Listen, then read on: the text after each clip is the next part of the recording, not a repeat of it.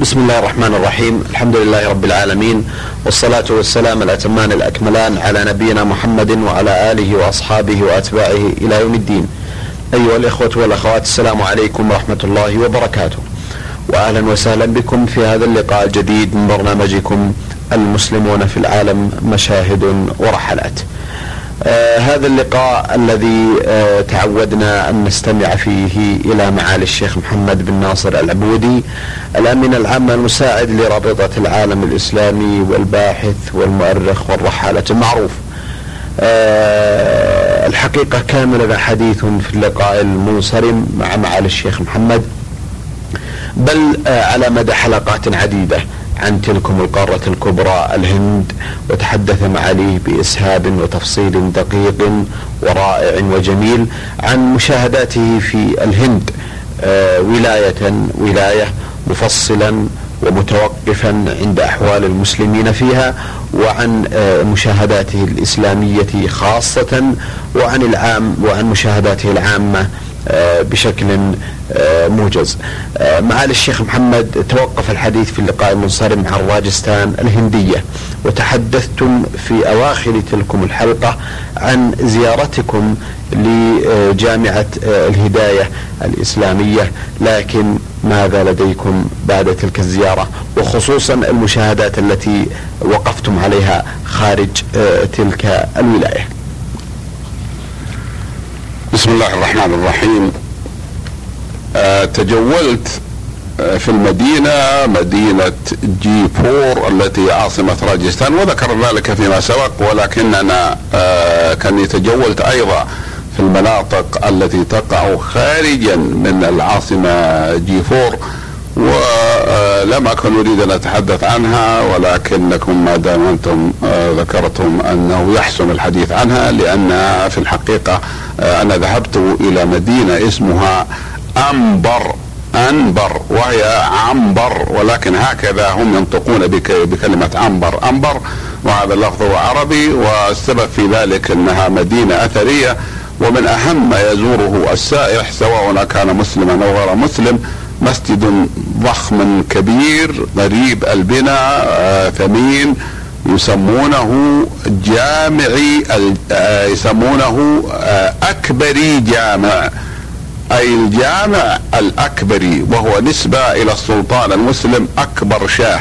والسبب ذلك أن الحاكم المحلي لولاية راجستان في ذلك الوقت أو لمنطقة راجستان في ذلك الوقت قبل أن يتسع ويتقرر مصطلح ولاية كان هندوكيا راجع فأراد أن يتقرب ولكنه تحت حكم السلطان فأراد أن يتقرب إلى السلطان إلى المسلمين وإلى سلطان المسلمين بالذات فبنى هذا الجامع بناء متقنا بالحجارة المنقوشة والغالية الثمينة مع الاكبري نسبة إلى السلطان اكبر شاه. وقد غدا معلما سياحيا عظيما يأتي إليه السياح وتأخذ الحكومة الهندية مبالغ ضخمة لأن الدخول إليه هو بتذاكر بمال وربما كان هذا المال الحقيقة ليس كثيرا ولكن القليل من الكثير كثير كما نحن نعرف. وقد ذهبت إلى منطقته على نحو 30 كيلو كيلا فيما أظن من مدينة جي فور العاصمة. ودخلنا هذا المسجد فأعجبت ببنائه وهو على الطراز طبعا طراز المسجد ولكنه مبني بناء ثمينا بحجارة منقوشة حتى إن النوافذ فيه أو شباك النوافذ. المقصود من ذلك هي الفتحات التي تكون في الجدار بدون أبواب. الشباك فيها على شكل شباك هو من الحجارة فهو منقوش إلى هذه الدرجة وأما بلاطاته وبناؤه فهو أيضا غريب. والسبب في ذلك كما قلت أن حاكم الولاية الهندوكي أراد أن يتقرب إلى سلطان المسلمين ببناء هذا المسجد. رأيت في هذا المسجد أفواج من السياح من الأوروبيين والأمريكيين ومن هم في مظهر اليابانيين أي من أهل الشرق الأقصى. كلهم حضروا إلى مدينة أو إلى بلدة أنبر التي هي عنبر أرادوا من ذلك رؤية الآثار فيها. ففي هذا المسجد العظيم وفيها قصر السلطان لأن سلطان جيفور قبل ولاية قبل جيفور كان يسكن فيها أي قبل بناء جيفور وحتى بعده بقليل. فكان في قصر للسلطان الآن هذا القصر أيضا يزوره الناس والسلطان هو سلطان هندوكي.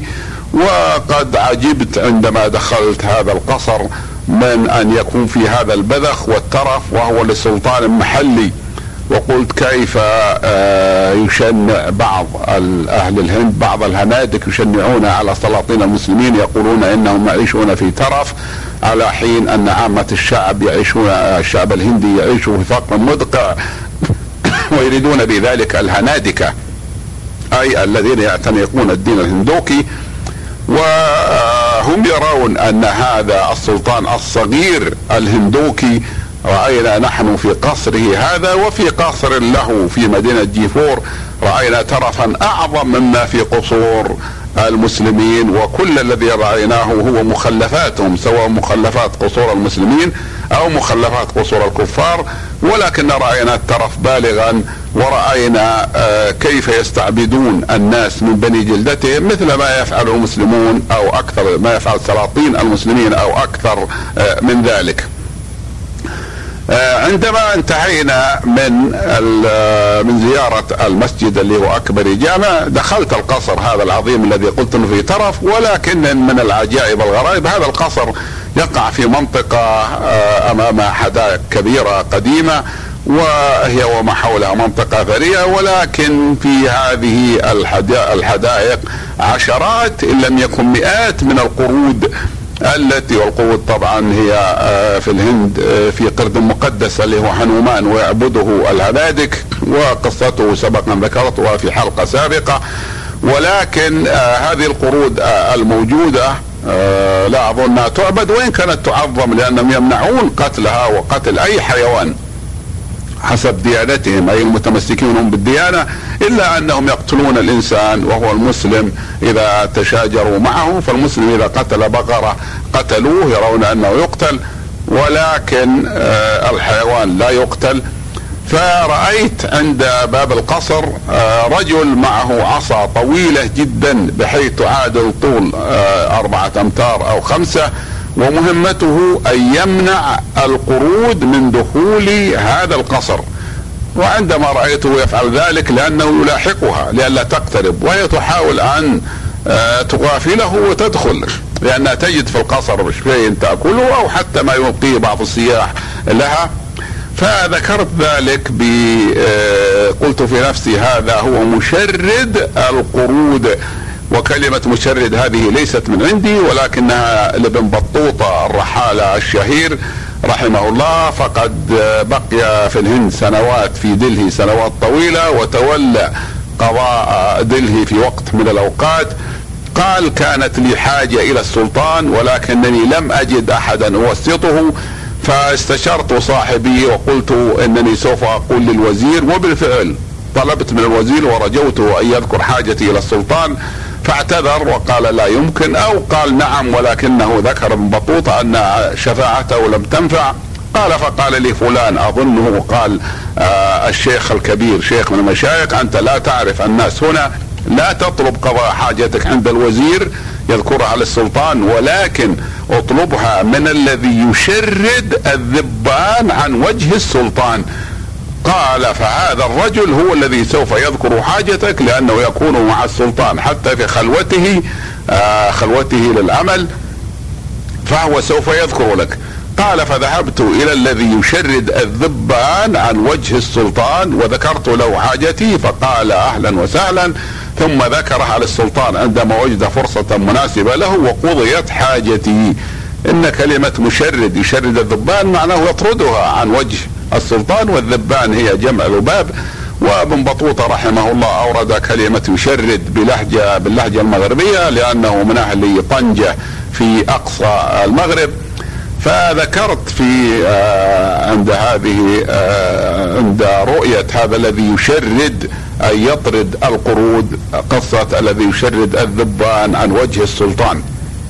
وهذه ذكرها ابن بطوطة وعادة بطوطة في هذه الأشياء أنه ثقة وإن كانت نقلت عنه أشياء آه، لها مك... لها آه، فيها مقال. آه، حتى قصر السلطان لا يخلو من شيء عربي. مثلا كلمة محل. وجدنا غرفة غريبة يسمونها شيش محل. أي محل الزجاج. لأن شيش وزجاج بلغتهم الأردية وربما كانوا أخذوها من الفارسية. وهذه غرفة خاصة كاملة من الزجاج. وهذا الزجاج ملون ولامع بحيث أن الدليل الذي دخل معنا يرينا داخل القصر آآ آه، آآ هو آآ أخرج من جيبه كشافا صغيرا ثم ركزه على نقطة من نقط هذه الغرفة فانعكس النور على جميع أنحاء الغرفة لأنها هكذا صممت. ليست مصممة تصميما عشوائيا وتركنا هذا القصر وما فيه من ترف وذهبنا إلى الحديقة فرأيت أفواج القرود في الحديقة وناس يبيعون الموز ولكن معهم عصي قوية وتعرفهم القرود بأنها بأنهم يضربونها. فاشتريت بعض الموز وفيها موض أصفر حسن المنظر ويبيعون الكيلو بربيتين أي بنحو ثلثي ريال في ذلك الوقت. فاشتريت وقلت لصاحبي الذي هو الأخ عبد الباسط آه، ذاكر قلت له إنني سوف أتصدق على القرود بهذا الموز آه، فقال هذا طيب ولكن دعنا نأكل منه لأنني اشتريته أكثر مما نحتاج إليه. فلم أشعر إلا وبالقرود تقفز علي لأنني كانت بيدي الموز وتنتهبها من نفسي ولولا أنني ألقيتها بسرعة لخشيت أن تكون أن تكون جرحت يدي. آه، تجولنا في مدينة أنبر ولا يتسع المقام لأن نذكر جميع ما رأيناه فيها ولكنني أذكر من عجائب الضلال والحقيقة أن الضلال آه، في الدين له أيضا عجائب مثل عجائب الضلال في أمور الدنيا وذلك يتمثل في معبد العجوز. قال لنا الدليل إن من يزور أنبر البلدة هذه ولا يزور معبد العجوز كأنه لم يزر أنبر. فقلت له لابد لصاحبي لابد أن نراها نرى مع معبد العجوز. دخلنا وصلنا إليه فوجدنا رواقا داخله غرفة وداخله من بعيد يرى الإنسان تمثالا من الحجر ولم ندخل هو. السبب في ذلك أن السادن الذي عند الباب قال لا يمكن لشخص أن يدخل إلا بعد أن يخلع عن عليه أي إلا أن يكون حافيا. فقلت لن أخلع آه، نعلي وكان معي حذاء أي آه، جوارب وهو الشراب وخف. ولا لا يمكن أن آه، أخلع ربما يعتبرونه جزءا من التعبد لهذا معبد العجوز. فامتنعت عن ذلك ووقفت عند الباب وسمح لي أن أقرب قليلا لأني أعطيته آه، شيئا من النقود له قليل.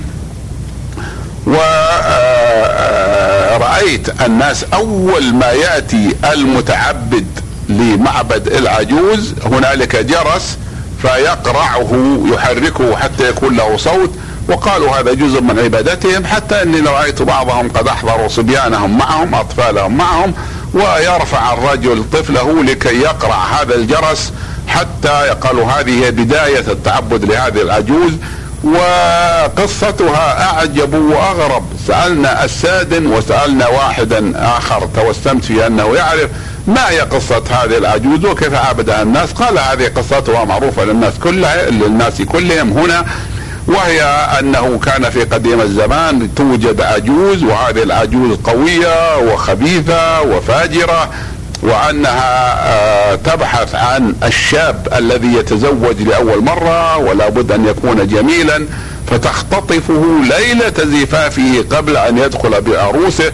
ثم تختلي به وتقتله وتأكله.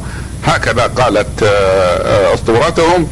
قال وفي مرة من المرات كانت آه، امرأة هندوكية وطبعا هي لا تعتقد بالدين الإسلامي ولكنها اضطرت إلى الاستنجاد به.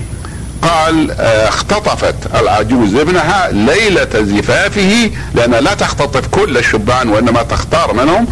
فعرفت المرأة أم الشاب وليس لها ابن غيره عرفت أن العجوز ستقتله فذهبت إلى الهنادك تريد منهم أن يساعدوها قالوا لا نستطيع أن نعمل مع هذه شيئا لأنها قوية.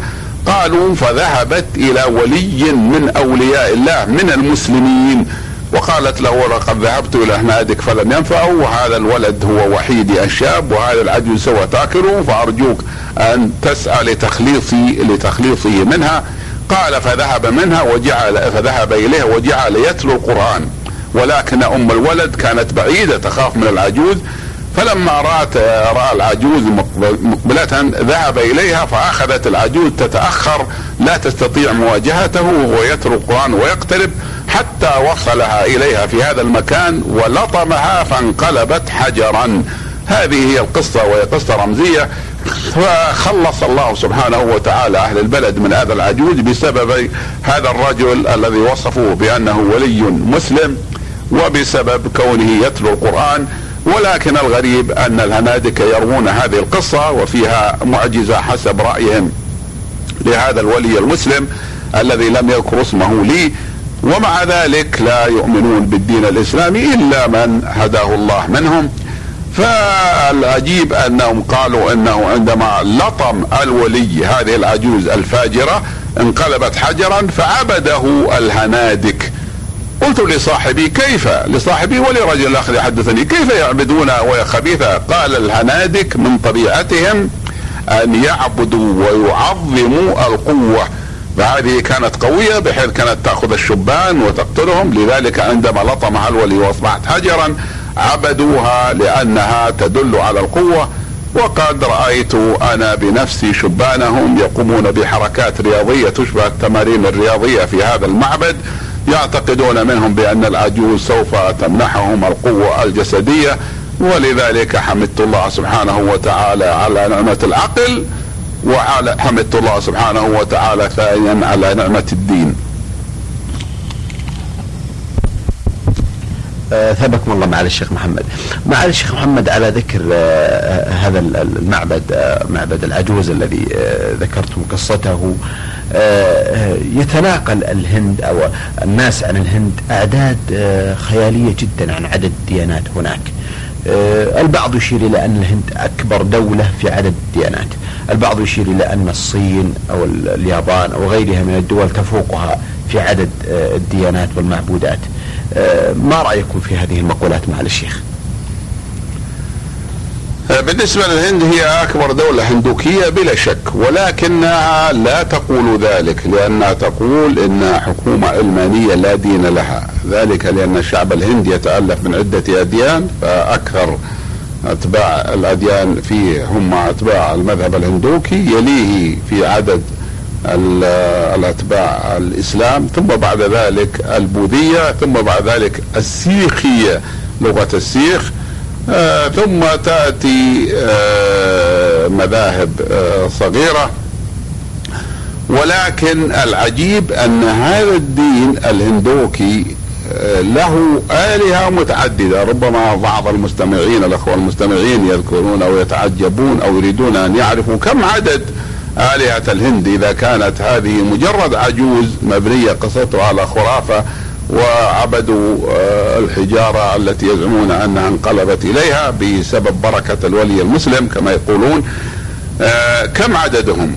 ذكر البيروني أبو الريحان البيروني رحمه الله في كتابه تاريخ ما للهند من مقولة مقبولة في العقل أو مرذولة أن عدد آلهة الهند أكثر من مئة ألف. وهذا عدد كبير ولكن قيل لنا أنه في الأزمان الأخيرة تقلص ولكن آه، إلى ربما ثلاثين ألف أو نحو ذلك ولكن نقل عن غاندي الذي يسمونه أهل الهند يسمونه المهاتما غاندي ونحن لا نقول ذلك لأن مهاتما معناها قديس أو معناها مقدس. يقول إن البقرة يتمثل فيها مظهر ثلاثة آلاف إله من آلهة الهند. فآلهتهم عديدة ويأتي على رأسها أو من أهمها يأتي على رأسها رام ورام رجل ولد في مكان وقد تسببت خرافتهم التي ذكروا أنه ولد فيها بهدم المسجد البابري الموجود في بلدة أيوديا. والسبب في ذلك فيما يزعمون أنه مبني على مكان كان ولد فيه رام وأن الهنادك اتخذوا معبدا على مكان ولادة إلههم رام ولكنهم هم أرادوا الانتقام من ذلك فهدموا هذا المسجد ويريدون أن يبنوا معبدا آه، هندوكيا بدلا منه ولكن الحكومة الهندية امتنعت عن ذلك خشية من الاضطرابات التي حدثت بلاد وقد حدثت بلاد عظيمة وإذا بني معبد مكان المسجد فلا شك أنه ستحدث اضطرابات آه، فظيعة. ولكن الرجل يتساءل رجل عقل يتساءل أين عقولهم إذا كان إلههم ولد فقبل أن يولد من كان يدبر الكون؟ ثم إذا كان ولد فإنه يموت. كل من ولد فإنه يموت. لأنه هذه سنة الله في خلقه وهذه قاعدة. لا يمكن أن آه، آه، لا يمكن أن آه، يخرج منها شاذ شيء شاذ. فكيف يعبدون شخصا مولودا ويموت؟ ثم إذا كانوا قالوا ما مات لنفرض هذا أنه قال مات ولكنه ولد على زعمهم أي أنه لم يكن موجودا فوجد فوجد فقبل ذلك من كان يدبر الكون؟ صحيح أن الأمر ينطلق من اعتقادهم بأن رام وامثاله إنما هم مظاهر للآلهة أي أنهم دون الإله الكبير عندهم إله كبير يسمونه براحمه ويقولون إنه يقضي معظم وقته نائما وأنه هو الرب الكبير وأن هؤلاء يمثلونه وهذا في كتبهم وليس مما يقوله الناس تشنيع آه، عليهم ليس ذلك تشنيعا عليهم ولكن هذا موجود في كتبهم. لهذا يعجب المرء من أناس مثقفين ويفهمون الأمور ومع ذلك بقوا هنادك لقد سألت بعض المفكرين من المسلمين من غير أهل الدين أي من غير العلماء. وقلت لهم كيف؟ الم تختلطوا بالهنادكه المفكرين من الأساتذة الجامعات ومن الفلاسفة ومن الكتاب والمؤلفين وتسألونهم كيف يعتقدون بهذه الخرافات ولهم عقول؟ قالوا نعم نحن سألناهم ونحن نعرف حتى قبل أن نسألهم أن عندهم قاعدة إذا أردت أن تكون هندوكيا صالحا حقيقيا فلا بد أن تبعد عقلك لأن العقل لا يجتمع مع هذه الأشياء أي لا يجتمع مع التصديق بهذه الأشياء آه، أحسنتم معالي الشيخ. معالي الشيخ محمد آه، قبل أن نختم هذا اللقاء آه، يعني يتبادر في الحقيقة سؤال في ذهن الكثيرين ممن يستمعون إلى هذا البرنامج وأنتم تتحدثون بإسهاب وتفصيل دقيق ومعرفة قد تكون تامة عن الهند وأوضاعها. لو سألتكم معالي الشيخ عن مستقبل الإسلام في الهند كيف ترونه؟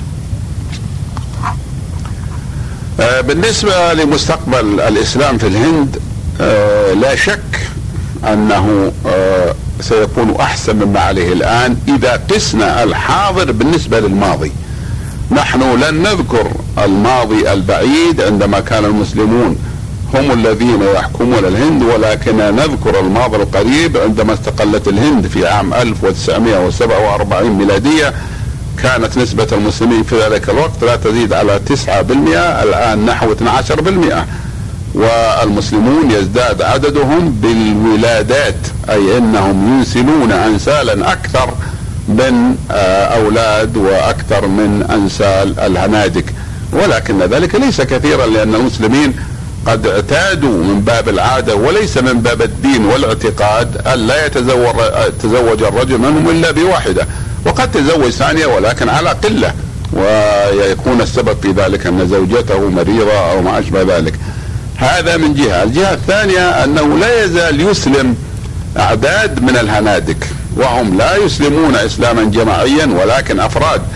وأغلب من يسلم منهم هم المثقفون من الأطباء ومن المفكرين ومن الكتاب لأن العوام منهم لا يبحثون عن الدين المقنع. ولكن مع ذلك لا تزال نسبة المسلمين قليلة 12% ولا يزال هناك وقت طويل إذا قسنا المستقبل على الحاضر لكي يكون المسلمون أغلبية على سبيل المثال أو أن يقتربوا من ذلك. لأن المسلمين كانوا أكثر نسبتهم آه، آه، في الهند قبل التقسيم. أنا ذكرت النسبة في الهند بعد التقسيم بعد الاستقلال. ولكن الهند قبل التقسيم المسلمون كانت نسبتهم أكثر كانت نحو 27% ولكن انفصلت باكستان وانفصلت آه، باكستان الشرقية التي تسمى الآن بنغلاديش. كل هذه فيها نسبة كبيرة من المسلمين. فانخفضت نسبة المسلمين فيما بقي من الهند الذي هو جمهورية التي هي جمهورية الهند الآن إلى 12% ولكن لابد لكي يتقدم الإسلام بسرعة ولكي يدخل أفراد أو جماعات من من الهنادك في الإسلام لابد من أن يسعى المسلمون إلى تحسين وضعهم الاقتصادي والاجتماعي. بالنسبة للاقتصادي لابد أن يتعلموا ويتسلحوا بالعلوم العصرية حتى يستطيعوا أن يجتذبوا الناس ويفهموهم الدخول في الدين، هذه واحدة. الثانية إذا تعلموا وتسلحوا واعتنوا بالأمور الاقتصادية أصبح عندهم شيء من الثراء. والناس يعرفون كثير من العامة لا ينفذون إلى بواطن الأمور وإنما يغترون بالمظاهر. فإذا رأوا رجلا متعلما ثريا وهو يحسن إلى الناس فإنهم بلا شك سوف ينظرون أو سوف ينظر بعضهم إلى إليه على أن دينه هو الدين الصحيح. كذلك المسلمون رأيتنا أناسا منهم عملوا بعمل طيب وهو أنهم وهم أقلية إذا ذبحوا مثلا الإضحى الأضحية فإنهم يعطون جيرانهم الهنادك منها. وبعضهم يذهب إلى حي هندوكي فيذبح حقيقة أنهم لا يأكلون اللحم علنا ولكنهم يأكلونه. وكثير من المسلمين يأخذون زكاة الفطر ويعطونها للفقراء الهنادك لأنهم لا يجدون من المسلمين من هو فقير يستحق أن يأخذها. وبعضهم يتصدق ليس زكاة الفطر ولا من غيرها يعني زكاة الفطر لا تصح إلا إلى إلا على فقير كما هو معروف. والمسلم أولى من غير المسلم وصاحب البلد أولى من الغريب. يعني أولى من الإنسان يرسل زكاة الفطر إلى بلد غريب إذا كان يوجد لها مستحق في البلد الذي يقيم فيه. فالمسلمون كانوا يقصدون البر بفقراء الهنادك لأنهم فقراء بالفعل. وهذه الصدقة لا تساعدهم على التمسك بدينهم بل تساعد على الدعوة إلى الإسلام وقد يهتدي آه، منهم من يهتدي بسببها. أحسنتم معالي الشيخ. أيها الإخوة والأخوات آه، إلى هذا الحد نأتي إلى ختام هذا اللقاء الذي كان مع معالي الشيخ محمد بن ناصر العبودي الأمين العام المساعد لرابطة العالم الإسلامي والباحث والمؤرخ والرحالة المعروف. وتحدث لنا في رحلة من رحلاته المشهورة آه، إلى الهند والتي آه، قمنا بالاستماع فيها إلى معالي الشيخ محمد على مدى حلقات عديدة. آه، آمل بإذن الله تعالى أن يتجدد لنا لقاء مع معالي الشيخ في أسابيع قادمة لنستمع منه إلى رحلة أو إلى رحلة من رحلاته المتعددة والنافعة والمفيدة بإذن الله تعالى. هذه تحية من محدثكم محمد بن عبد الله مشوح والسلام عليكم ورحمة الله.